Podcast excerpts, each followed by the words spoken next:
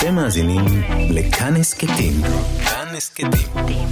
הפודקאסטים של תאגיד השידור הישראלי.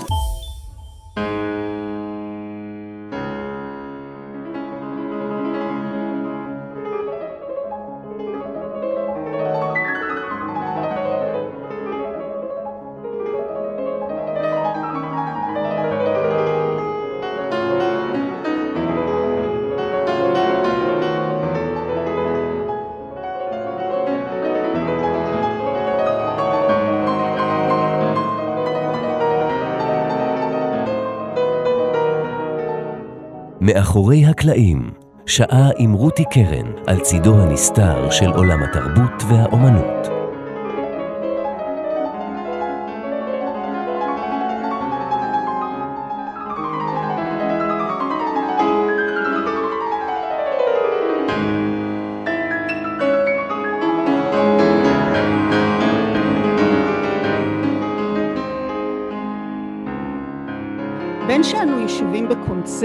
בביתנו, מאזינים ומתענגים על יופיים של הצלילים הללו, מלאי התפעלות מכישרון מוזיקלי יוצא דופן, כזה שהגיע לכאן מארץ אחרת, וודאי מבין ארצנו שעושה חיל בחו"ל, אבל רגע, האם כישרון מוזיקלי גדול ועצום ככל שיהיה מבטיח הצלחה? האם די בכך? נראה שלא.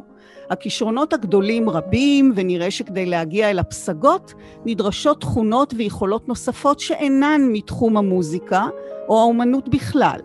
מה מתרחש באמת מאחורי הקלעים של עולם המוזיקאים המבצעים, העבודה המפרכת, האכזבות, הכישלונות, ההשפלות, האתגרים, איך צולחים אותם, ועד כמה עיסוק במוזיקה, אולי גם משום כך, יכול להיות מורה דרך לחיים בכלל.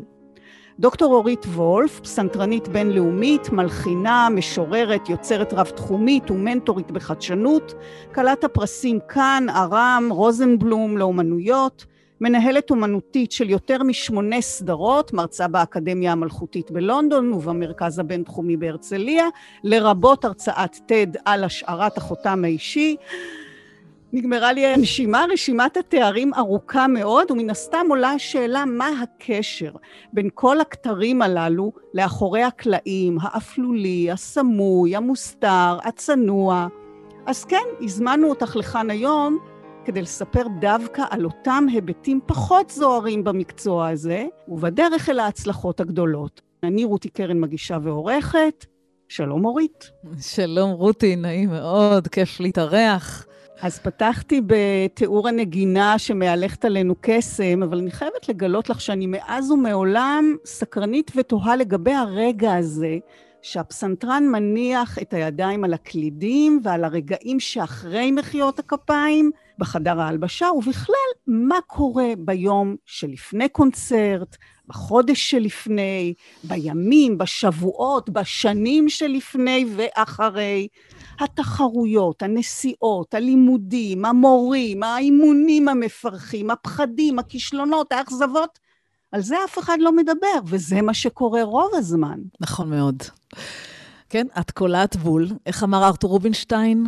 אנחנו 1% כישרון, 99% עבודה קשה. ואת יודעת, אני לפעמים אומרת, הוא הגזים, אבל הוא לא ממש הגזים. זה, זה באמת אה, משקל נכון. את יודעת, אנשים לא מבינים כמה חמש דקות של משחקי מים של רבל, כמה עבודת הכנה אינסופית יש מאחוריה. זה מזכיר לי מישהי שאמרה, למה כל כך יקר? חצי שעה את מנגנת, שעה את מנגנת, איך זה יכול להיות uh, כל כך יקר? ואני אומרת, את לא משלמת על שעה נגינה. את משלמת על שעה נגינה פלוס 40 שנות עבודה יומיומית אדירה. אנשים פשוט לא מבינים שלהיות פסנתרן, או להיות בכלל אומן מבצע, זה להיות, אה, ללא ספק, רותי, כמו ספורטאי מצטיין. אמר לי פעם המורה שלי בלונדון, כריסטופר אלטון, יום אחד לא תנגני, את תדעי. יומיים לא תנגני, אני כבר אדע. שלושה ימים לא תנגני, הקהל שלך כבר יודע. כל כך צודק. ואולי כדי להבין קצת על מה מדובר, בואי נחזור אה, לילדותך המוקדמת מאוד וההחלטה העצמאית שלך שאת רוצה ללמוד לנגן בפסנתר. את יודעת, ההורים שלי לא מוסיקאים, לא היה בבית פסנתר, אף אחד לא ניגן, אבל הייתה אהבה אדירה למוסיקה. הייתי בת יחידה הרבה שנים, והשתוקקתי לנגן, והסיבה היא, הייתה לי חברה מאוד טובה, שירי, והיא הייתה מנגנת בפסנתר, ומאוד קיניתי בה. וזה התחיל בזה שהייתה מספרת לי, ואחר כך זה המשיך בכך שביקשתי ממנה לשבת בשיעורי הפסנתר שלה בשקט, רק להקשיב. ולקראת חנוכה עזרתי עוז, ואמרתי למורה, אני רוצה גם...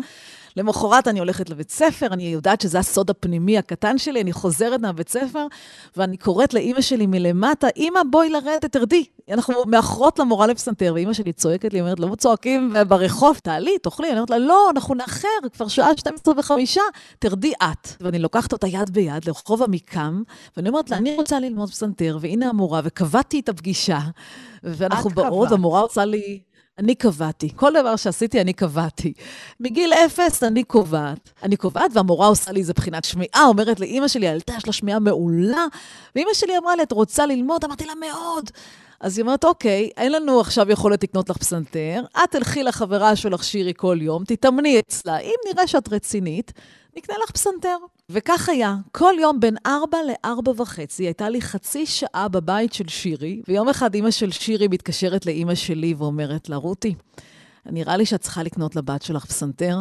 הפסנתר נמצא בחדר שינה שלנו, זה קצת מפריע לי לישון צהריים. ואימא שלי הבינה את הרמז למחרת, היה פסנתר עומד, וזהו, the rest is history. זאת אומרת, מעולם לא אמרו לי לנגן. זו הייתה תשוקה, כן. הייתה תשוקה אדירה, פנימית. עד היום. זאת אומרת, אני לא מאלה שאמרו להם, מתי התאמנת, כמה התאמנת, זה לא זה. למרות שראיתי גם המון צעירים, מרוב שניהלו להם את החיים, ושהיו הורים לוחצים ומורים לוחצים, שרק אמרו להם, נו, כמה התאמנת, בסוף את רואה שלמרות שהם זכו בתחרויות אדירות, אחר כך לא שומעים עליהם בגיל 20, 30, 40. אז uh, the rest is history, את אומרת, אבל מכאן ואילך את בעצם במרוץ, נכון? חנה שלגי זו נקודת הפתיחה, בגיל 12 את נכון. מלמדת בעצמך פסנתר, אה, כן. בגיל 14 17 את מארגנת לעצמך הופעות, ובגיל 16 את נוסעת לבוסטון לפסטיבל טנגלווד אה, היוקרתי לבד. כלומר, מדובר על תעוזה, על חוצפה, על אומץ, על פושריות שהייתה בך, או שפשוט הבנת מהר מאוד שזה שם המשחק. כן, אני לא יודעת אם הבנתי אז שזה שם המשחק, כמו שלא ידעתי אופציה אחרת. אותי לימדו בבית לקבל חכה ולא דגים. ההורים שלי היו טובים, ולהסיע אותי שלוש פעמים בשבוע לחנה שלגי לשלוש שעות שיעור כל פעם, ולעמוד מאחוריי בקונצרטים, בתחרויות, שלא תמיד היו קלים אגב. אבל הבנתי, כן, הבנתי, תראי, שאנחנו חיים במקום שאין לנו פה ריפוד, זה לא כמו היום תוכניות הריאליטי, שיש סוכנים ויש יחסי ציבור, כך שזה מקצוע שסובל מהזנחה פושעת של uh, מקורות התמיכה שלו.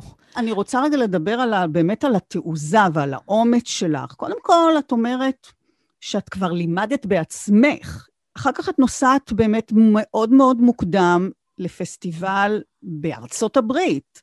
אה, נכון. סיפרת לי שהיית נוהגת לפנות לפסנתרנים דגולים ולבקש לנגן להם. מה זה נכון, הדבר הזה? כן, זה, זה מזכיר לי באמת, אם כבר נגעת בזה, שהייתי ממלאה טפסים לבד, שולחת, לקבל טפסים, מחכה שלושה שבועות, מקבלת, ממלאה, שולחת, מחכה עוד שלושה שבועות, מוזמנת לאודיציות, ולהתקבל אז לטנגלווד במלגות מלאות, זה היה באמת חוויה מאוד עוצמתית, למדתי צמוד לליאון פליישר, לג'יבל קרליש, לסייג'יו סאווה, אנשים ברומו של עולם.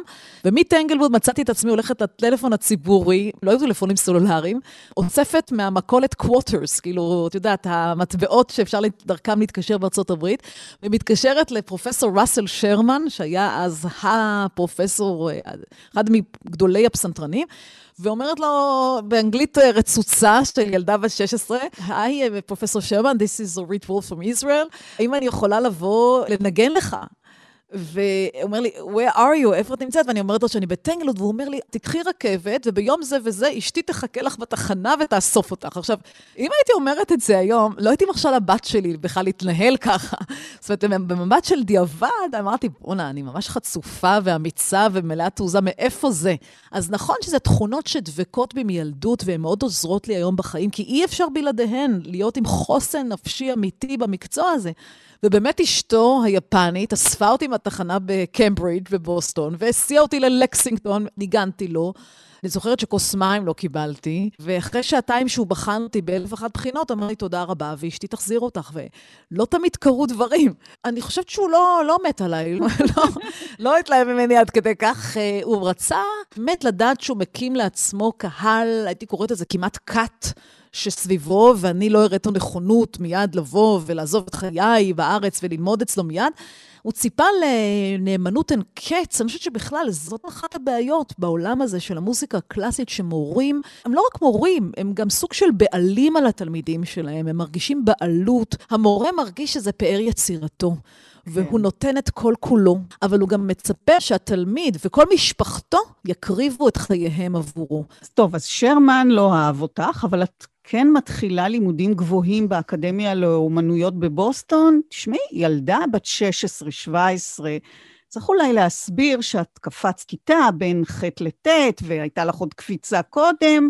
כלומר, את את המרוץ שלך עושה בדילוגים על משוכות, כך שסיימת את הלימודים שלך בבית הספר תלמה ילין שנתיים לפני כולם, אבל נערה לבד, נכון? בלי ההורים, בארצות הברית הגדולה, איך מסתדרים שפה, מחיה, פרוצדורות? בעצם כשמציעים לך את המלגה של מלגת הלימודים שם, את מסרבת.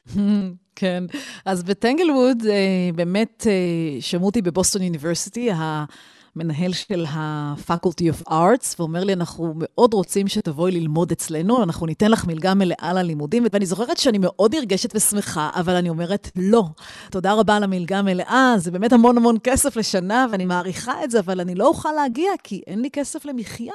את גם ילדה לבד. ילדה לבד, כמובן נסעתי לבד לחלוטין, ובאמת אה, מקבלת מכתב, אומרים, מצאנו לך מממן פרטי מהקהילה היהודית, הוא יעזור לך, תגורי אצלו והוא יממן אותך. והכל נשמע נפלא, ואני זוכרת שאני מגיעה לבוסטון עם אימא שלי, ואנחנו מתארחות אצל המשפחה של המממן, ועושה רושם שהוא משהו, מקושר, מצליח, אוהב מוזיקה קלאסית, עשיר, ומסדר לי חדר, הכל נראה מובטח.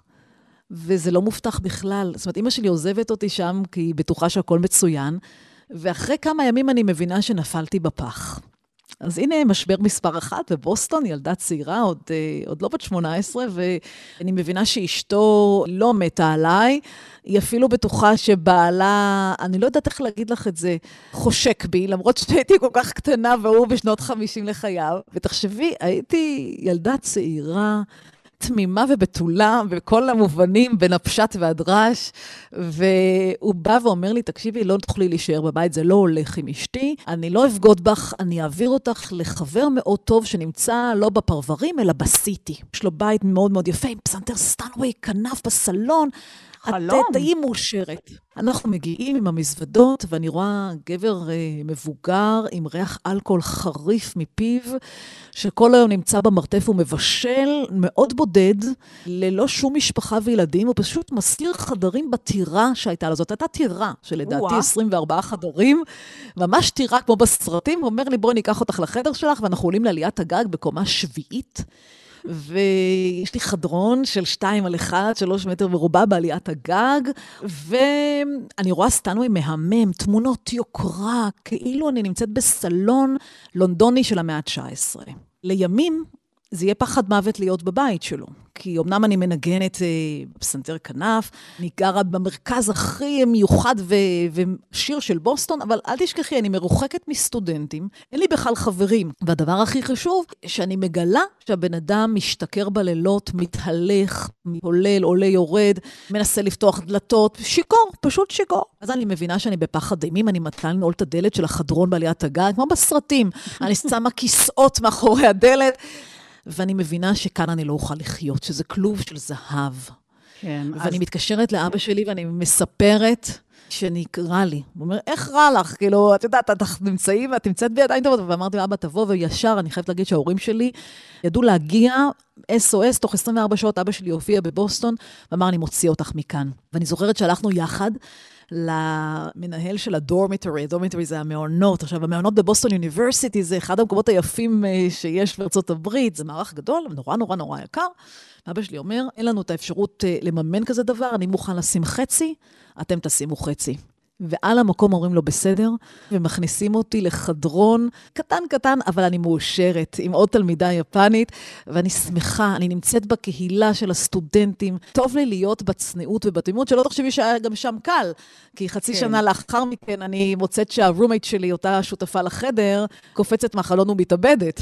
זה נורא, נורא, לא, נורא. זה, אני... אפשר לצרף את זה, זה באמת חוויה נוראה, בוודאי לנערה צעירה, אבל אפשר לצרף את זה לניסיון חיים, אבל... אבל uh, בחיפוש המעשי שלך, איך באמת לממן מחיה במקום כזה, את לא הולכת לעבוד במלצרות, אלא את מחליטה למנף את הכישרון המוזיקלי שלך ולהתפרנס ממנו. כלומר, בגיל 14 הופעת בבתי אבות, אה, בגיל 18 את נרשמת לתחרויות. כי בתחרויות אפשר לזכות בפרסים נכון. ששווים הרבה מאוד כסף, אבל תחרויות זה חתיכת אתגר.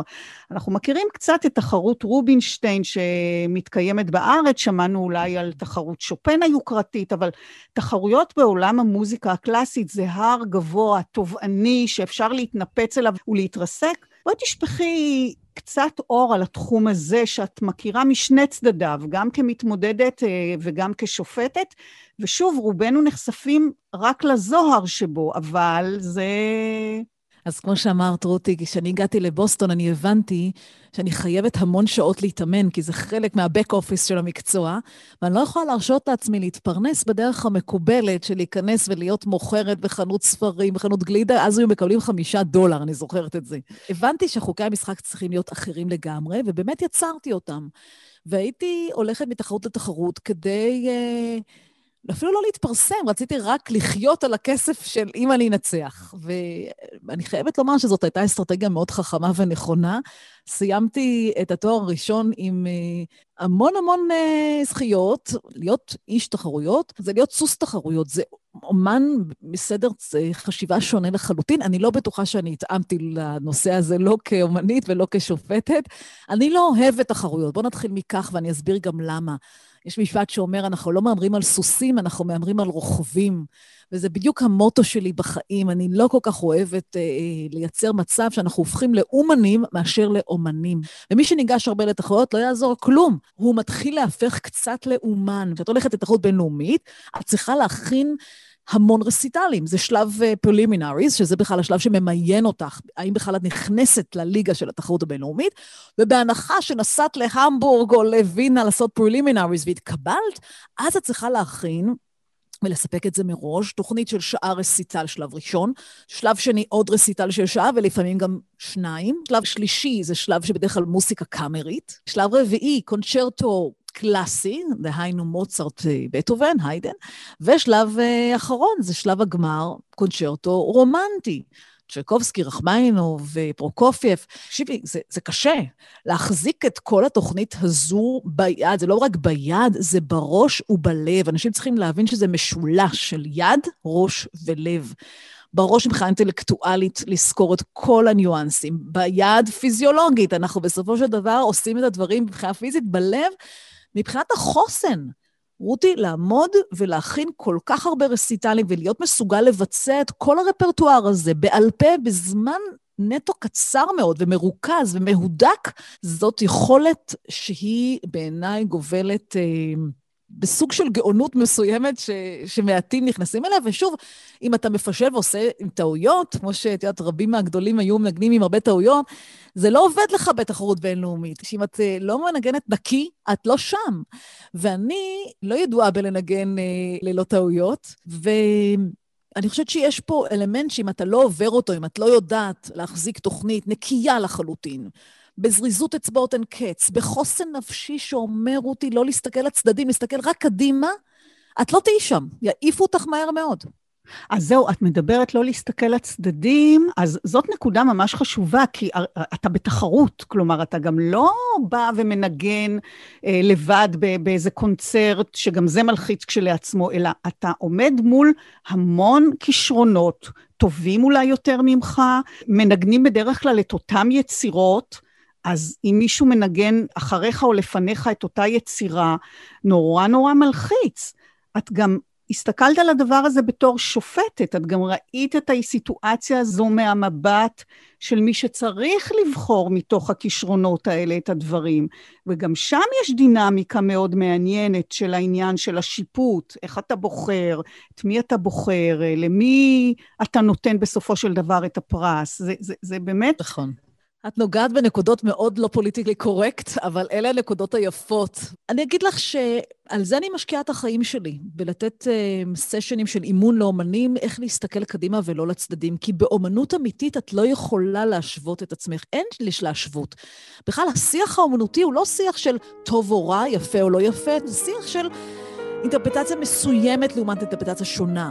נגינה יותר חמה ואקסטרוברטית לעומת נגינה יותר אינטרוברטית וקרה, נגינה יותר תשוקתית לעומת נגינה יותר מחושבת. יש המון אלמנטים של ארטיקולציה ואינטרפטציה, זאת אומרת, אין סוף. זה לא בהכרח שהוא בסדר ואני לא בסדר. צריך להבין את זה שאומנות אמיתית... היא מאפשרת ריבוי אופציות, זה לא אפס או אחד. כשהבנו שזה לא אפס או אחד, זה לא מתמטיקה, אז כבר החיים נראים אחרת. כשאתה מסתכל לצדדים, אתה מבזבז אנרגיה. כשאתה מסתכל קדימה, אתה מאפיין את השוואה לעצמך.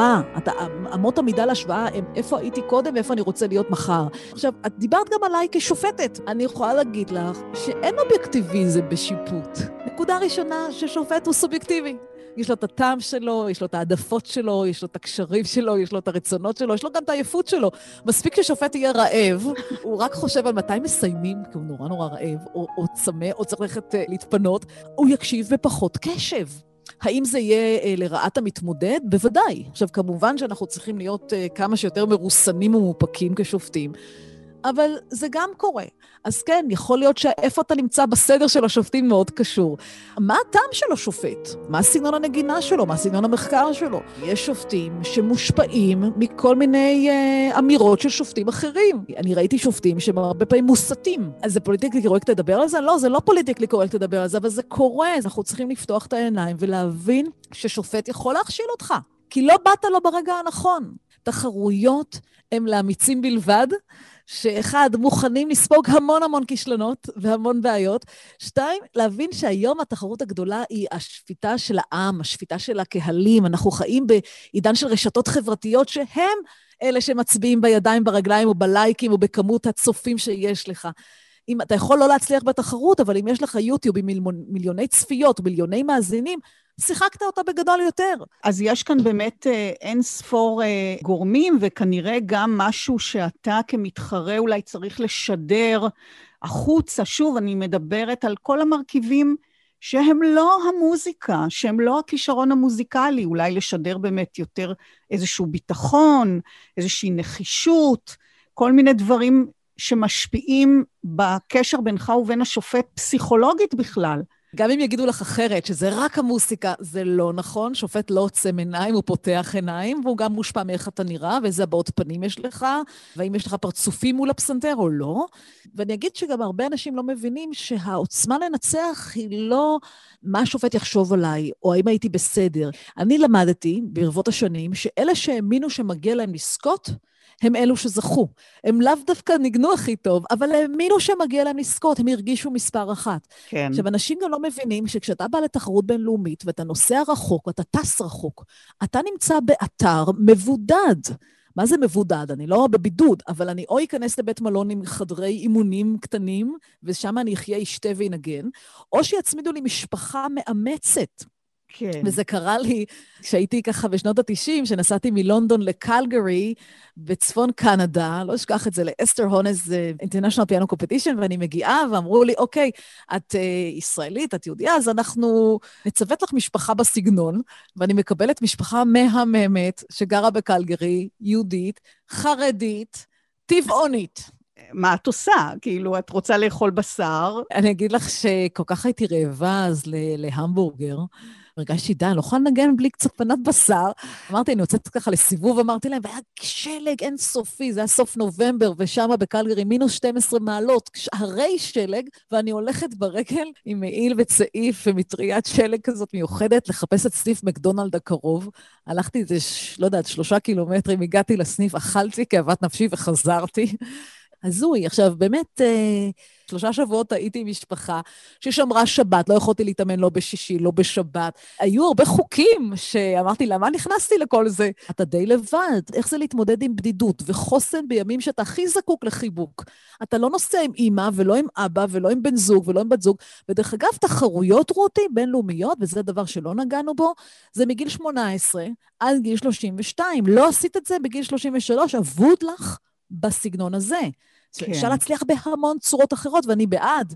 אבל אם את בת 32 ויום, את בבעיה. אגב, את מספרת שציוותו אותך פה לאיזו משפחה חרדית, נדמה לי שהייתה עוד איזו תחרות שנרשמת אליה, שנרשמת כדי לזכות ואולי כך לממן את מחייתך בבוסטון. כן, התחרות הייתה בפסח עצמו. עכשיו, אני באה מבית מסורתי, אני מאוד אוהבת דת, אני קשורה לדת, אני מאוד אוהבת חגים, ו... היה לי מאוד חשוב שאת ערב פסח, הלילה שלפני התחרות, אני אבלה בליל סדר כהלכתו. ואני מוזמנת לרב הקהילה של בית הלל בבוסטון, בשעה שבע בערב, אני מתלבשת יפה, אני מגיעה, ואני בטוחה, טוב, כמה זמן אוכלים, רותי? שבע עד עשר וחצי, אחת עשרה, אני בחוץ. אני הולכת לישון טוב, התחרות צריכים לקום אליה, להיות כבר בשמונה בבוקר באתר. ואני מגיעה לרב, ואני רואה שולחן יפה מראה, אני חושבת שהיינו איזה 38 איש, סטודנטים שהוא בחר להזמין מכל העולם, ואני מגלה שאת ההגדה הולכים לקרוא בכל השפות של כל האנשים שנמצאים בחדר, ולא מתחילים לאכול, תקשיבי טוב, אני זוכרת את הביס הראשון, זה היה בסביבות אחת בלילה. עד אחת קראנו את ההגדה ועשינו את סדר פסח, אכלנו רק את החסת הביצים והמרור, ואני השתגעתי. עכשיו, את לא יכולה לקום וללכת. את בטח לא יכולה לספר להם שמחר את מנגנת בתחרות, אבל זאת בעיה. בעיה, ואני זוכרת שחזרתי בארבע וחצי לפנות בוקר, אני חוזרת למעונות, הרוסה, הרוגה, עם כאבי גב מכיסא פלסטיק אה, של כתר אה, שאני צריכה לשבת עליו במשך תשע שעות, ואני אומרת, טוב, הלכה לי התחרות, אני אומרת בלב, איך אני אקום תוך שעתיים ועוד אנגן טוב? אין, אין סיכוי, כל מה שעבדתי הלך עליי.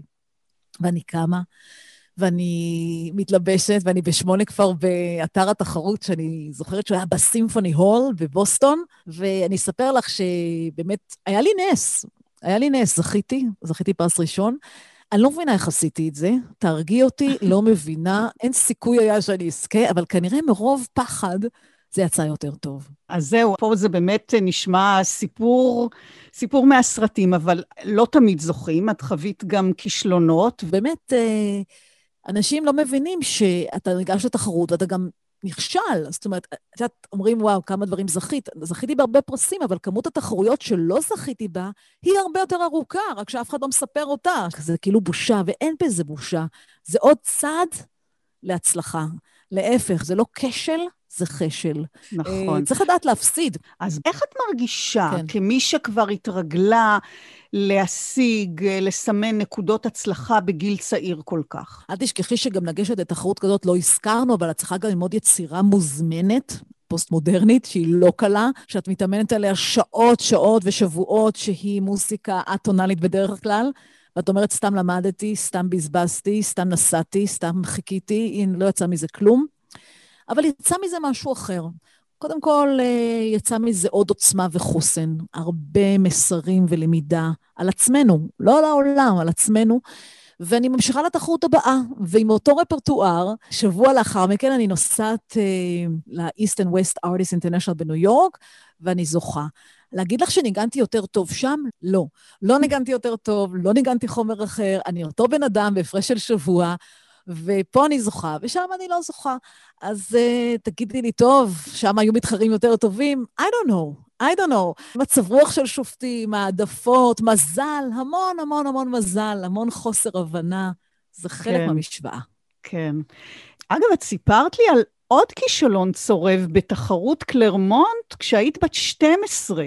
הרגשת אז שהגיע לך לזכות. איזה צלקת זה מותיר בגיל צעיר, שעוד אין לך את הניסיון שגם מפסידים לפעמים?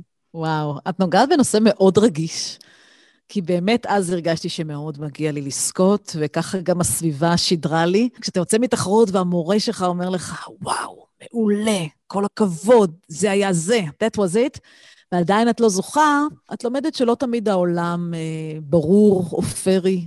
אין מגיע לי. קודם כל, בוא תיקח את מה שמגיע לך, לא ייתנו לך את מה שמגיע לך, ואם אתה חיכית שייתנו לך בתחרות וזה לא קרה, אז תיקח ממקום אחר, בצורה אחרת. למדתי מגיל מאוד צעיר שיש המון משחקים של פוליטיקה. וואו, לא נעים לי לדבר על זה ככה בשידור, אבל uh, אני גם רואה דברים שנעשו שהם לא הגונים. האם ראיתי את זה כשופטת יותר מאוחר? בוודאי. האם הסכמתי ונכנסתי לזה? לא. האם שילמתי מחיר? בוודאי.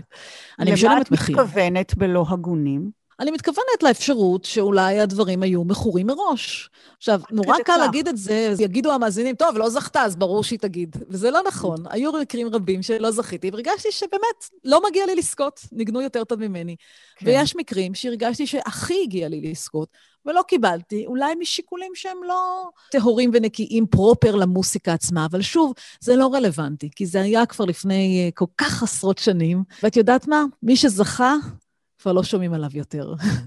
אז הנה עוד משהו שביני לבינך, אה, ההיסטוריה שופטת, מה שנקרא. אנחנו מדברות על תחרויות אה, רשמיות שגם מקבעות שם, יוקרה, כסף כמובן, הבטחה אולי לקונצרטים והקלטות, לפעמים כן, לפעמים לא, אבל כל העולם הזה מושתת על תחרות. מהרגע הראשון, ומי שלא מסוגל להיות באופן תמידי בתחרות עם מוזיקאים מוכשרים לא פחות ממנו, לא יכול להתקיים בעולם הזה. ואת זה את חווה עוד בשלבי הילדות במהלך הלימודים אצל המורה לפסנתר חנה שלגי, אצל אריה ורדי מאוחר יותר. אנחנו מדברים על מורים קשים, תובעניים, את uh, עזבת ונמלטת באיזשהו שלב מחנה שלגי. וואו. קודם כל, אני מתה על חנה שלגי. היא אחת הדמויות שעיצבו אותי לא רק כפסנתרנית, אלא כאדם. אישה מדהימה שגם התראיינה פה, ואין ספק נכון. שהיא מיוחדת במינה. אבל... את עשיתי את הריאיון, אחד היפים ששמעתי בחיי, לא מדברת רק על חנה שלגי, אלא מבחינת האינטימיות ש, שיצרת, זה ראיון חובה. אז אם מישהו מקשיב לנו עכשיו, שירוץ אחר כך להקשיב לפרק עם חנה שלגי, שהייתה מורתי מגיל 8 עד גיל 16. אבל זו חנה שלגי אחרת. היא באמת לא הייתה מורת מורה. אני מסכימה איתך מאוד. חנה שלגי של שנות ה-80, שבה אני למדתי, הייתה לא קלה עוד יותר, נקרא לזה כך, אבל עוצמתית, לא פחות. זאת אומרת, אני שוב אומרת, בפרהסיה, וגם אם היא תשמע זאת, זאת, זאת, זאת היו שנים הכי משמעותיות של חיי, הכי מעצבות. גם מאוד מאוד קשות. היו שם רגעים של כעסים, של uh, תוכחות, של uh, אפילו השפלות, כן? ויחד עם זאת, אני מודה לה על כל רגע, גם על הרגעים הפחות נעימים, כי היא חיסנה אותי, אנחנו מדברים על תקופת קורונה עכשיו, היא חיסנה אותי לחיסונים לעשורים קדימה. ואני ממש חייבת לה את ה... לא את הקריירה שלי, כמו את החוסן שלי. ואצל חנה שלגי היה תחרות, כן, אה, ובכלל, היו מקומות שהיו מסדרים את הקונצרטים, שמים את האחרון, הוא היה הכי טוב. היינו ממש מתחרים בינינו בקונצרטי התלמידים. מי ישימו אחרון? כי אם שמו אותך אחרון, אתה הכי, אתה מספר אחד. ואם אתה שלושה לפני הסוף, אז יש לך עוד לאן לשאוף. והיום בדיעבד, אני אומרת, וואי, זה נורא, למה לא לערבב? למה לא לעשות צעיר, מבוגר, צעיר, נכון? כך שהייתה תחרות כל הזמן, הייתי בטל מלין במסלול אישי, שזה גם דבר נורא. היה מעין סוג של אפליה כזאת בין תלמידים שמגיע להם להתאמן בבית שעות, כי רואים בהם הבטחה. ומשחררים אותם משיעורים. הנה, אני אגיד לך משהו סודי עליי, אני לא יודעת כלום, לא בכימיה, לא ביולוגיה, לא פיזיקה. לא עשיתי שיעורי התאמנות, לא הייתי בשיעורי חברה. כל כך הרבה קיבלתי פטור. האם זה עשה לי טוב בחיים? לא, כך שהפסדתי גם. אז כן, הייתה תחרות מסעירה וסוערת ואלימה כמעט בין אנשים. אני למדתי שאין חברים במקצוע, ואם הם חברים במקצוע, הם כנראה לא מנגנים פסנתר. כן. כי יש איזו אווירת תחרות אה, עד היום מאוד חזקה, לצערי. אבל את למדת אצלה כשמונה שנים, ואת אומרת שהיו גם השפלות. מה, מה גרם לך אה, בסופו של דבר, עם כל באמת המטען האדיר שהאישה הזאת כן יכלה לתת לך, מה גרם לך בסופו של דבר לעזוב, לעזוב אה, בצורה לא כל כך נעימה? אני לא חושבת שעזבתי בצורה לא נעימה, אני חושבת שסיימתי מאוד מכובד ויפה. אולי חנה לא לקחה את זה בקלות, ואני מבינה אותה. היא טיפחה אומן שהיא רצתה שיהיה baby שלה עד לרגע סיום התיכון. אני עזבתי כי אני הרגשתי באיזשהו שלב שלקחתי את מה שיכולתי, שקיבלתי המון, ועכשיו זה השלב לעבור קדימה. אני הרגשתי גם שיש איזה fine line, את יודעת, גבול דק ועדין בין מורה למשהו מעבר. את יודעת, כשמורה אומר להורים שלך, הילדה לא תלך לטיול שנתי, למשל, כי היא צריכה לשבת ולהתאמן שלושה ימים בבית, אני זוכרת שאימא שלי הייתה עונה בנועזות, לא, הילדה תלך ותצא, ותהיה עם חברים, ותהיה רגילה, והיא תתאמן פחות שלושה ימים השבוע. וכשחודרים למקומות הללו, זה התחיל להיות בעייתי, ולכן אני הרגשתי שאני לקחתי המון, ועכשיו זה הזמן שלי לעבור קדימה. כן, היו צרימות. אחר כך את עוברת לאריה ורדי, שזה בדרך כלל המסלול, וגם שם אה, את לא מלקקת דבש. כן, אני באמת, אה, אחרי חנה שלגי עברתי ללמוד אצל אלכסנדר וולקוב, זיכרונו לברכה, שהייתה לי תקופה מאוד uh, משכילה איתו, זה היה לשבת שעות וללמוד על מוסיקה ועל ניצוח ועל uh, קריאת ספרים באנגלית אינסופית, פתח לי שערי שמיים. גם עם ורדי זה היה פתיחת שערי שמיים, אבל uh, בהחלט היו רגעים של מבוכה. הוא היה מנגן לי קטע ואומר לי, טוב, אורית, מה זה? ואני, שלא היה לי ידע כללי כמו תלמידים אחרים שלא, הייתי אומרת, לא יודעת. הוא אומר לי, מה זה לא יודעת? לכי הביתה, תלמדי. אין לך ידע כללי מספיק של יצירות תזמורתיות. עכשיו, אני מודה לו כי הוא פתח לי אשנב למי שאני היום, להבין ש... אותי לא מעניין היום פסנתרנים ששומעים מוסיקה לפסנתר, וזה משהו נורא חשוב, רותי. אתה רוצה להיות אומן? הנה, דיברנו על בק אופיס של אומנים, תלמד הכל. תלמד ניצוח, תלמד הלחנה, תלמד דילתור, תלמד מוזיקה תזמורתית, מוזיקה מקהלתית, תלמד מוזיקה קאמרית. זאת מתנה שאריה ורדי ממש נתן לי, אבל כן, היו רגעים שלא ידעתי איפה לשים את עצמי, והוא היה דורש המון. הוא היה דורש גם, ועד היום, כשאתה בא לשיעור, אתה לא מביא תווים, אתה יודע בעל פה, לשיעור הראשון. קשה מאוד. עמדתי בזה. כן, אבל עם איסורים גדולים. נשכתי שפתיים. אז uh, אמרת לי גם uh, עוד על חנה, שהיא גם לימדה אותך uh, להיות חתולה וליפול תמיד על הרגליים. ואת השילוב הזה בין חתולים למורות לפסנתר, את מוצאת כשאת מגיעה ללימודים הגבוהים שלך בלונדון, ברויאל אקדמי. וממליצים לך להגיע גם למורה המיתולוגית של הפסנתרנים הדגולים, אה, מריה קורצ'ו, ואת נוסעת אליה לביתה בקילברן, ומה מתגלה לך שם? אני באה בשנת 95, אני חושבת, לאודיציה. זה לא אודיציות כמו שאנחנו רגילים לפה, ממש שונה. אודיציה שבה בוחנים את מכלול היכולות שלך להתמודד עם בעיות, טעויות, מכשולים. ואחרי שאני עושה שורת אודיציות של סולפג' ותיאוריה ורעיון אישי, ומוזיקה קאמרית, ומוזיקה סולנית, ואילתור, מה שאין בכל מקום בעולם, אני יודעת שבאתי לעוד משימה. באתי להכיר מורה שהייתה תלמידתו של שנאבל, מריה קורצ'יו, שהיא אז הייתה כבר בשנות ה-80 לחייה, מה שנקרא, אתה נוגע במאה ה-19. אני אה, מגיעה לבית לונדוני טיפוסי, יורדת עשר מדרגות לתוך מרתף עמוק באדמה, פותחת לי אישה נמוכת קומה עם אה, איזה ארבעה חתולים על ככה לצידה, עליה, בתוכה, הייתי ככה בשוק, אני אלרגית גם לחתולים, בוא נזכיר זאת. ופסנתר סטנווי מתנוסס לעברי ואומרת לי, נגני לי בטהובן. ואני מנגנת בטהובן, כאשר עוד חתולים מצטרפים לה על הספה, היא בוחנת אותי, ממש מחזה סוריאליסטי. ואז היא אמרה לי, I will teach you, you don't have to pay for me. זאת הייתה חוויה אדירה ללמוד אצלה, ויחד עם זאת, אני אגיד לך, שאני גם מאוד שמחה שהיה לי את החוסן לא ליפול גם במלכודות שהוצבו לפניי שם. הרבה מהתלמידים של מריה קורצ'יו היו גם אה, סוכני הבית שלה, היו מתגוררים אצלה, היו משרתים אותה במובן הכי פשוט של המילה, מכינים לה ארוחות, סועדים איתה, עוזרים לה, עושים לה קניות, ותמורת זה היא הייתה מלמדת אותם חינם. איתי זה לא קרה, היא מעולם לא הציעה לי. האם זה היה לטובה? לא.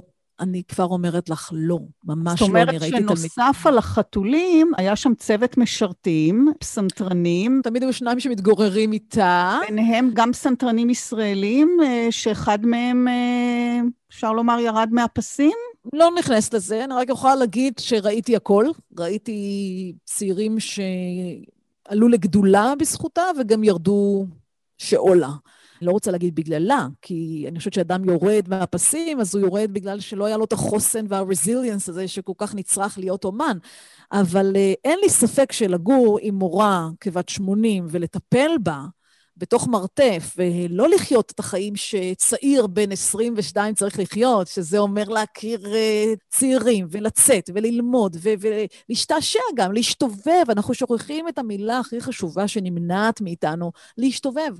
כן. אין לי ספק שזה גורם לאנשים מסוימים לאבד את השפיות. כלומר, את מדברת כאן על יכולת גם לשים גבולות, כמה לקבל מן המורה או המורה, וכמה לשמור על עצמך מהחלקים ההרסניים שלו. זה לא פשוט. זה גבול מאוד לא פשוט, ואין לך את ההורים שלך שיעזרו לך שם, וגם אף אחד לא נמצא איתך בשיעור. אל תשכחי שללמוד זה להיות בשיעור פרטי מאוד אינטימי עם מורה. זה מצב אינטימי, לא במובן המיני חלילה, אלא במובן של איזו השפעה אדירה יש אחד על אחד. בוודאי. אז חלק מרכזי, גם בלימודים וגם בהכנה של מוזיקאי מבצע, גם לתחרויות וכמובן לקונצרטים, ובכלל, לשמור על כושר כמו ספורטאי, אלו אימונים, אימונים, אימונים מפרכים. אז האגדות מספרות על שמונה שעות ביום, אבל זה מוגזם, נכון? כשהגעתי לרואל אקדמי, אה, חצי שנה לאחר מכן, והתחלתי ללמוד אצל כריסטופר ארלטון, שהוא היה מורה שלי, והיה גם תלמיד של מריה קורצ'יו בעצמו. אני אספר לך סיפור הזוי. מהר מאוד הבנתי שאם אני לא בשש בבוקר אגיע לרשום את עצמי על הפסנתרים כאימון ברואל אקדמי, לא יהיה לי פסנתר, כי היה חוק, היו שם חדרי אימונים, שכל אחד יכול לרשום את עצמו לשעתיים בלבד בחדר מסוים ביום. ואז היינו באים בשש, רושמים שעתיים משש עד שמונה, בחדר אחר, שמונה עד עשר, בחדר אחר, עשר עד שתים עשרה. ויום אחד הגעתי בשש ועשרה, וכבר לא היה שום מקום לרשום את עצמי. מה שנקרא, לא יכולתי למצוא פסנתר ולשריין לעצמי אימון. ואני עובדת עצות ואני צריכה להתכונן לתחרויות, ויש לי המון חומר להכין, ואני דופקת בחדר 207 אצל המורה שלי, כריסטופר אלטון, ואני אומרת לו בבכי, מוציאה אותו משיעור, אומרת לו, I have no piano to practice. והוא אומר לי, hold on a minute. והוא מוציא מפתחות עם פתק קטן, והוא אומר לי, אלה המפתחות לבית שלי, ואני גר בהמסטד, זאת הכתובת, זה הקוד לאזעקה. וואו. נותן לי את הקוד לאזעקה בביתו הפרטי, ויש שם שני פסנתרי כנף, תבחרי לך איזה ותתאמני. הייתי בהלם חיי. הוא נותן לי את המפתחות לבית שלו, אני אסע עכשיו להמסטד, אפתח בית אה, אה, גדול, רחב ידיים, וינתק את האזעקה? וואו, זה היה רגע של העצמה. אבל זה באמת דוגמה, קודם כל, לבעיות שיש לאומנים ולסטודנטים בשלבים הכי קריטיים. הם צריכים להתאמן, ולא תמיד יש להם איפה. כמה זמן הם איפה... צריכים להתאמן? או, אז הנה, אמר לי היום חבר בפייסבוק, אני מתאמן בלא להתאמן. לא צריך להתאמן אה, שעות מטורפות, אבל הייתי אומרת, פחות מארבע קשה לעשות קריירה. כי יש איזשהו סוג של אימון שאתה חייב. להגיד לך שהיום אני מתאמנת כל יום ארבע שעות? לא, זה כבר לא קורה. אבל היו תקופות שגם הייתי עושה שמונה. שמונה. בוודאי. אני חושבת שזה מחיר. זה מחיר של אה, לאבד אה, לא רק ילדות, לאבד חיים, לאבד שובבות, לאבד uh, שמחת חיים. להיות עם עצמך, אל תשכחי שאתה מתאמן לא עם הרכב קאמרי או תזמורת, אתה מתאמן בגבך. כן. זו בדידות אין קץ. ועם זאת, למרות האימונים הקשים המרובים, אף על פי שהיצירה מוכנה באיכות גבוהה, אבל אז מגיעים להופעה, קהל, שופטים, מפחיד, גורלי, והכל יכול לקרות. מבלקאוט, דרך אה, פסנתר תקול, שותף לנגינה ומנצח שקפץ עמודים, הפרעות של ממש מצד הקהל. עם זה לא לומדים אצל שום מורה איך להתמודד. וואו, את יודעת, תמיד לימדו אותי שאם אני אתאמן הרבה שעות, לא יהיו לי טעויות. שאני אזכור את כל התווים והכל יהיה מושלם על הבמה, וזה לא עובד. ובאמת זכור לי הקלטה בשידור חי מתוכנית אתנחתה של חיות הדביר, הייתי כבת 12. אני עולה ממה, לפניי 800 איש בקהל, אני יודעת שברדיו מאזינים עוד עשרות אלפים. אני עולה, אני מתחילה את הסונטה בלה במול מז'ור של היידן, אני מנגנת אותה, ואחרי רבע שעה אני בבלקאוט נוראי רותי. אני בבלקאוט נוראי שאני לא כל כך יודעת איך להמשיך, אני בת 12 בכל זאת, ואני עוצרת את המוסיקה, דבר שלא ייעשה, ואיכשהו אני ממשיכה, אבל כולם יודעים שטעיתי, כולם שומעים את זה, מה שנקרא, פישלתי, בושה גדולה. זה היה רגע מאוד קשה, מאוד מאוד מביך, ואני טועה ועוצרת וממשיכה, וכשהקונצרט נגמר, אני מבינה דבר אחד. אין קשר בין ההכנה, תהליך לתוצאה. אין הלימה בין כמות הזמן שאני עובדת לכמות התוצאות שאני יכולה לייצר. לא הכל תלוי בי, ולפעמים גם כשהכל תלוי בי, זה לא עובד. ואני לומדת על עצמי שאם אני לא אתחיל ללמוד אלתור, אני לא אדע להסתדר על הבמה, ואני משנה את החיים שלי. אני נוסעת כל יום שלישי, לוקחת קו 400, ונוסעת לרחוב אביעד 14 בירושלים, שגר אז שם אה, אנדרי היידו, זיכרונו לברכה, שהיה מורה גדול, דגול, מלחין, פדגוג מופלא בעיניי, והוא מלמד אותי לאלתר. וזה לקלף קליפות אדירות שנחסכו ממני. זאת אומרת, ממש ללמד בן אדם לחזור למקורות, כי בילדות אנחנו כן יודעים לאלתר. אתה לא יכול להיות אומן במה בלי כלים מאוד מובנים איך לאלתר. ואז כשקורית תקלה, את אומרת שיש לך כלים להתמודד, ובאמת נתקלת. הפסנתר פתאום לא עובד טוב. תראי, קוראים לי אינסוף בעיות. אחד, אה, אני זכורים לי אין ספור קונצרטים עם בעיות. החל משכחה, ואז אתה מאלתר ואתה יוצא מזה. כלה בקונצרט שזכור לי ברואל אקדמי אוף מיוזיק בעצמו, אני מנגנת את הקונצ'רטו של מוצרט, מספר 23, לה מז'ור, ובאמצע הפרק השני, הסוריאליסטי, בפאדי זמינור, שהוא כל כך שקט ושלב, פתאום אני שומעת צרחות מהקהל, אבל צרחות אימה. המנצח אומר לי, go on, go on, עושה לי ככה עם היד, כן, אין דיבורים, אבל הוא אומר לי, תמשיכי. ואני אומרת, איך אפשר להמשיך? אני אומרת בלב, איך אפשר להמשיך כשמישהי שמה צווחת בקהל, מה קרה? ואני שומעת רכשים ורעשים, ואני ממשיכה. אני לא יודעת איך עשיתי את זה, אבל זה חלק מחוסן שמורים לא מלמדים אותך.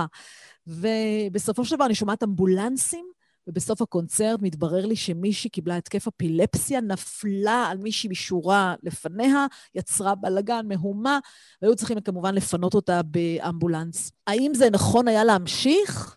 I don't know. לא בטוחה, אבל ככה נאמר לי באותו רגע, והייתי צריכה למצוא את הריכוז האדיר. עכשיו, זה לא רק זה, אני יכולה לנסוע לקונצרט בצפון, שאני באה ואני מגלה לתדהמתי שדודי איזה אמצעי, התו השחור, איננו. ולמרות שהפסנתר הכי יפה בעולם, הכי יקר בעולם, עולה איזה 200 אלף דולר, אבל איננו. ואני רואה את הקליד השחור על כאן התווים, ואני אומרת למנהל הבמה, דיוויד, uh, we've got a problem, אתה צריך למצוא לי כאן uh, מכוון פסנתרים, שיבוא ויסדר את הדודי אז. הוא אומר לי, אני לא יודע מאיפה את, אבל פה בשעות האלה אין מכווני פסנתרים, תסתדרי. ואני אומרת לו, תקשיב, אין להסתדר. אני לא יכולה לנגן, כל הרסידל שופן שלי זה דוד דיאז, הפנדס פרמטוי בדוד דיאז מינור, הוואלס בדוד דיאז מינור של שופן, כל היצירות שלו בדוד דיאז, אי אפשר. והוא אומר לי, I'm very sorry, כאילו, את אומרת, אני לא יכולה לעזור לך, את תצטרכי להסתדר.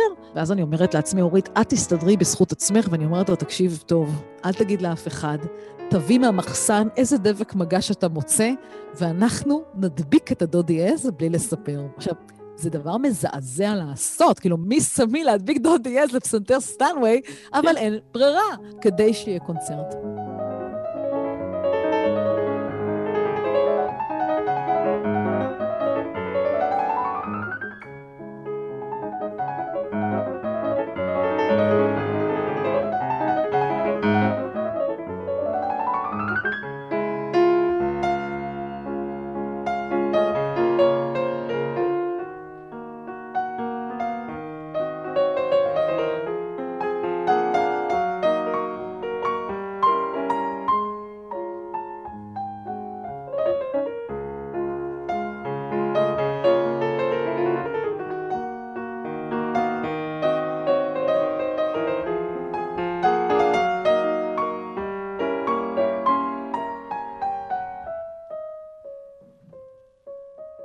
לפעמים אה, גם המיתרים נקרעים, הפדל עף, וגם אה, קרה לך, אה, נדמה לי, שהיית צריכה לנגן אחרי פסנתרן אחר, שהשאיר לך את הפסנתר כן. במצב שלולית. קודם כל, הבן אדם הזה הוא חבר טוב, אני מתה עליו, והוא אחד הפסנתרנים הכי הכי מצליחים ויוצרים הכי עכשוויים של הדור הזה.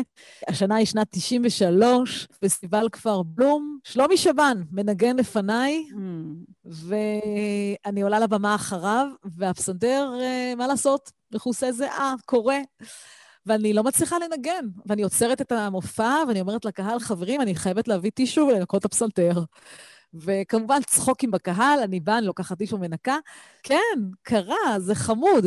קודם כל זה מראה כמה אלמנטים נוספים יש מעבר למוסיקה עצמה. כן. כמה אלמנטים, מה אתה אוכל ואיך אתה מרגיש ומה החום גוף שלך, ומי יהיה לפניך ומי יהיה אחריך, ומה אכלת ומה שתית וכמה ישנת, ואיזה קהל יש לך, ואיזה תאורה יש לך, וכמה נתנו לך להתחמם לפני שעלית. ומה קורה כששוכחים, כשמפחדים ורועדים? אני זוכרת רגע נפלא בסרט יוצא מן הכלל על הפסנתרנית מרתה ארגריך, סרט שבתה עשתה עליה, דקות לפני שהיא צריכה לעלות לבמה ולנגן בקונצרט, והיא לא רוצה. היא ממש לא רוצה. היא עולה לבסוף, אבל באי חשק מוחלט. אבל ברגע שהיא נוגעת בפסנתר, שהיא קוראת לו אגב מפלצת, היא שם. אז מה קורה באמת שאת לא רוצה, שלא מתחשק, ש, שאת פתאום נתקפת באימה, ב... תראי, להיות ביחסים עם פסנתר זה להיות ביחסים עם בן זוג עבורי. אבל לעולם לא, לעולם לא בגדתי בו. זאת אומרת, אני באמת ממש מרגישה כך. זאת אומרת, זה יחסים של משיכה ודחייה, של אהבה ושנאה. קורה. אני לא רואה אותו כמפלצת, אבל לפעמים לא בא לי עליו. אני יכולה להגיד שכשאני על הבמה, אני ניזונה מאנרגיה שרק בתקופת הקורונה הבנתי כמה היא חיונית וכמה האומן במה חייב את הצחוקים, חייב את הרעשים, חייב את הרשרושים, אפילו את השיחות טלפון שקורות שלא בכדי, אפילו את זה אנחנו מתגעגעים לרעשים האלה, הבלתי צפויים, להנחות, למחיאות כפיים. אין לנו את זה בזום, כי כשאתה על הבמה, אז אתה באושר עילאי. כן, אבל אני שואלת ו... אותך על מה שאת מרגישה לפני שאת עולה לבמה, כשפתאום לא בא לך, או באמת שאת נתקפת באיזה פחד במה, פחד קהל פתאום. אז אני לא נתקפת יותר פחד קהל ופחד במה, זה אחד הדברים שכבר ממש, אה, אני יכולה להגיד, 20 שנה אין לי. היה לי כילדה, היה לי פיק בגרקיים אז. היו לי דפיקות לב אדירות, וראיתי כל מיני התמודדויות. יש לי חברים שהיו שותים, יש כאלה שלוקחים בטה אה, בלוקרס, יש כאלה שיש להם אמונות טפלות, שאם ישימו תחתונים בצבע אדום, הכל יהיה מושלם. אה, ראיתי הכל. אני באמת, באמת היום בלי שום פחד קהל, וגם החלטה שעשיתי, שאם אני לא רוצה לנגן בעל פה, אז אני שמה תווים. אם זה מה שגורם לי ללחץ, אז בואו ננטרל את גורם הלחץ. אז יגידו לך, אה, זה לא מקצועי מספיק בלי תווים, שיגידו. אני לא רואה את העוצמה בלנגן בעל פה כמו בעוצמה לרגש אנשים. אדם צריך לדעת מה הייעוד שלו, למה הוא עושה את מה שהוא עושה, מה אתה רוצה להשיג. והרבה פעמים אנשים מסתכלים עליי כאילו נפלתי מהראש. מה, מה זאת אומרת למה? אני, אני פסנתרן. אז זה לא מספיק שאתה רוצה להיות פסנתרן. אתה צריך לדעת למה אתה בחרת בזה. את בעצם אומרת שמרדת בחוקים. שיש כאן איזה עולם, העולם המוזיקה, שהוא מאוד נוקשה, עם מנהגים קבועים וכללים, ו...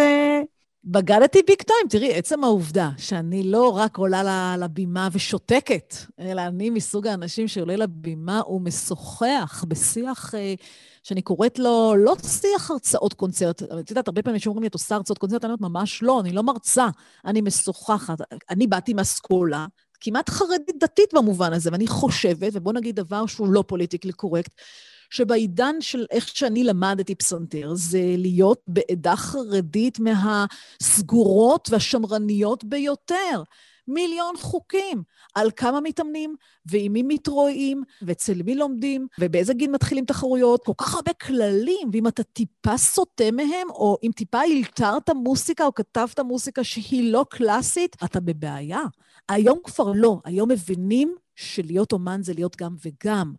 אבל זה לא היה בתקופתי בשנות ה-80. קחי את להב שני שלנו, שגם איתו עשית תוכנית נהדרת, שהוא גם מנצח וגם פסנתרן ומאלתר נפלא, הוא עושה גם וגם. כן.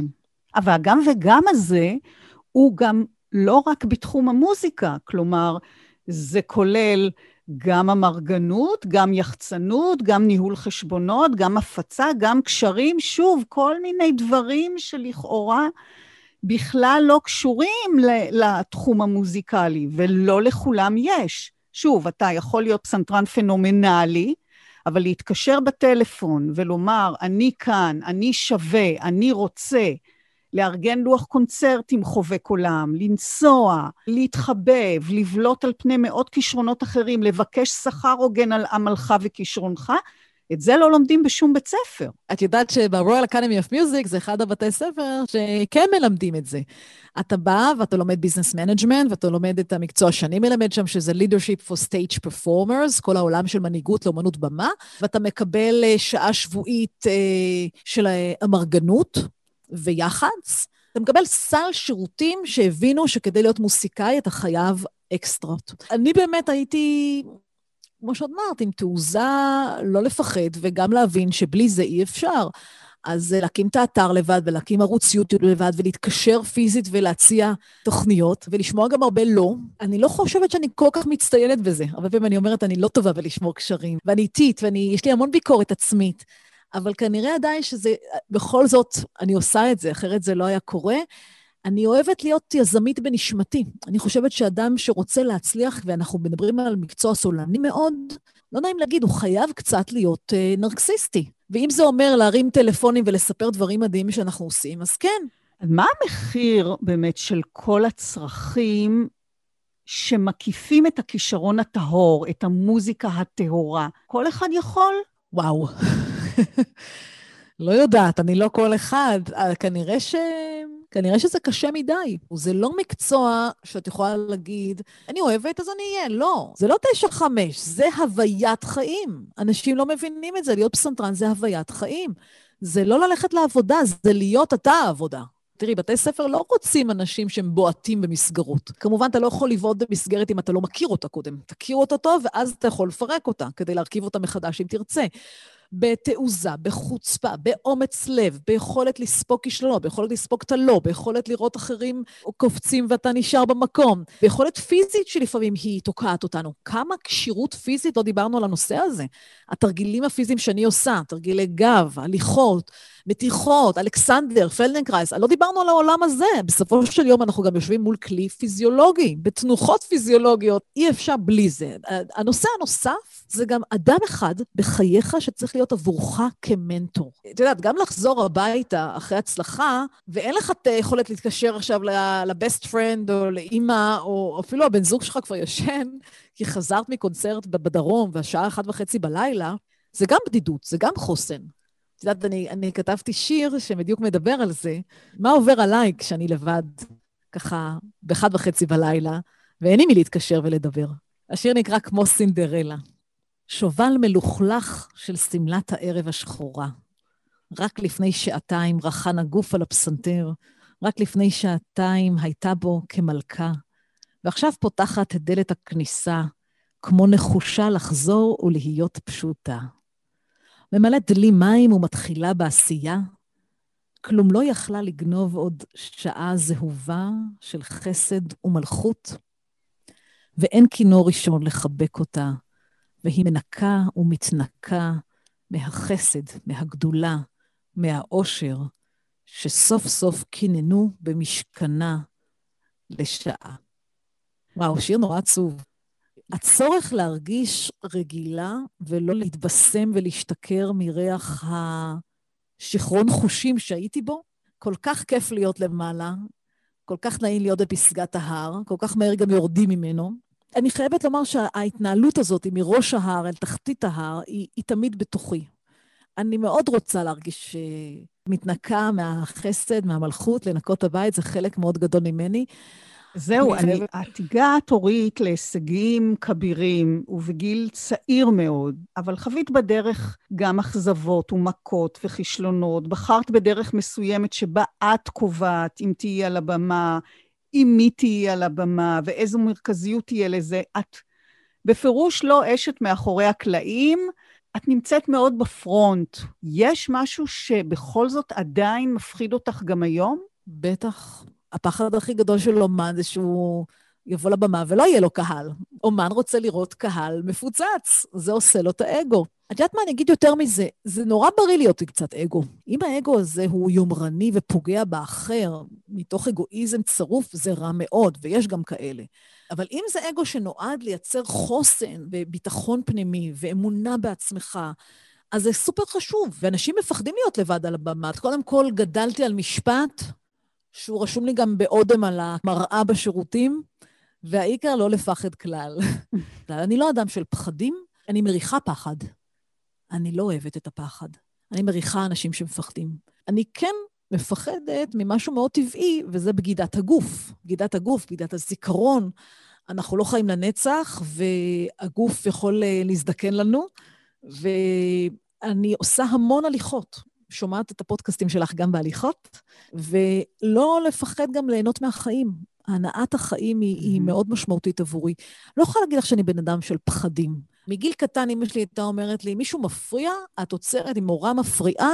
אני זוכרת שכשלמדתי אצל חנה שלגי, הייתה אימא של uh, תלמידה אחת, אחת מהתלמידות שכבר לא קיימות, מה שנקרא, שאף אחד לא שמע עליהן יותר, אבל הייתה אימא ככה, שגם הייתה בעצמה מורה לפסנתר, מהסיזיפיות, והייתה כל שיעור שלי נכנסת ומדברת עם חנה שלגי לפחות רבע שעה. בהתחלה הייתי נורא ביישנית, תמימה, כיתה ד', יום מחכה בסבלנות. יום אחד באתי, סיפרתי לאימא שלי, ואימא שלי אמרה לי, אורית, פעם הבאה שהיא נכנסת, תגידי לה להפסיק. ואני זוכרת שהיא באמת נכנסה, זה היה יום ראשון בשעה ארבע, נכנסת מפריעה, חנה, רק שאלה, רציתי לספר לה. ואמרתי לה, סליחה, אל תיכנסי יותר לשיעורים שלי, את עושה את זה כל שבוע, זה לא מנומס, אני רק ילדה, אבל אל תזלזלי בילדים, תכבדי ילדים, וזו פעם אחרונה שזה קורה, אם זה יקרה עוד פעם אחת, אני אספר את זה לאימא שלי, וכל העולם הקונסרטוריום ידע. אני זוכרת שחנה שלגי הייתה בשוק, ההיא כמובן לא העזה יותר להיכנס, אבל חנה אמרה לי, מאיפה הפה הזה? וזה משהו שכל כך העצים אותי, וכבר אז למדתי שא', לא ישחקו איתי, לא יזלזלו לי בזמן, לא אכפת לי אם אתה מבוגר או מפורסם, אתה תדבר אליי בכבוד. אז יש משהו בכל ההוויה והדרך, שגם את עושה בשעות, בימים, בחודשים שלפני ואחרי ההופעה על הבמה, שהם יקרים וחשובים לך במיוחד, והיית רוצה שגם הקהל, הקהל האוהב, המעריץ, הנלהב, ידע, ירגיש, יבין. פעם אמר לי אחד הצ'לנים הגדולים של המדינה שלנו, שמחה חלד, שיש לי גם זכות אה, שנים רבות לנגן איתו יחד, אמר לי משפט נפלא. הוא אמר, אל תחשבי שאם הקונצרט של אתמול היה מדהים, מחר הוא יהיה גם מדהים. את הולכת להתאמן. הוא לימד אותי צניעות מהי. אני רוצה שהקהל שלי ידע כמה humbleness, באנגלית זו מילה מאוד יפה, humbleness, זה מעבר לצניעות, זה רגישות גם, זה סוג של איזה פחד מהלא נודע. כמה יש humbleness ורגישות והכנה, גם כשאתה כבר ניגנת את הקונצרט הזה בפעם האלף, אנחנו עדיין מכינים את עצמנו כאילו זו פעם ראשונה. זה לא כמו לנאום את אותו נאום, את אותה הרצאה, עשיתי אותה מאה פעם, מה הבעיה? לא. יש משהו במוסיקה שאתה נותן עוד גרמים מנשמתך לאחר. והעשיית האהבה הזו עם הקהל היא נתינה חדשה כל פעם מחדש. אורית וולף, אני מאוד מאוד מודה לך. וואו, אני בסוג של קתרזיס. אני רוצה להודות לך. בתוכנית מאחורי הקלעים שוחחנו היום עם הפסנתרנית, המלחינה, היזמית והמרצה דוקטור אורית וולף על הפן החוץ-מוזיקלי בחייו של מוזיקאי אומן מבצע. אני רותי קרן מגישה ועורכת, עוד uh, תוכנית גם בשישי הבא בשש וגם בהסכת לצד כל התוכניות הקודמות. להתראות.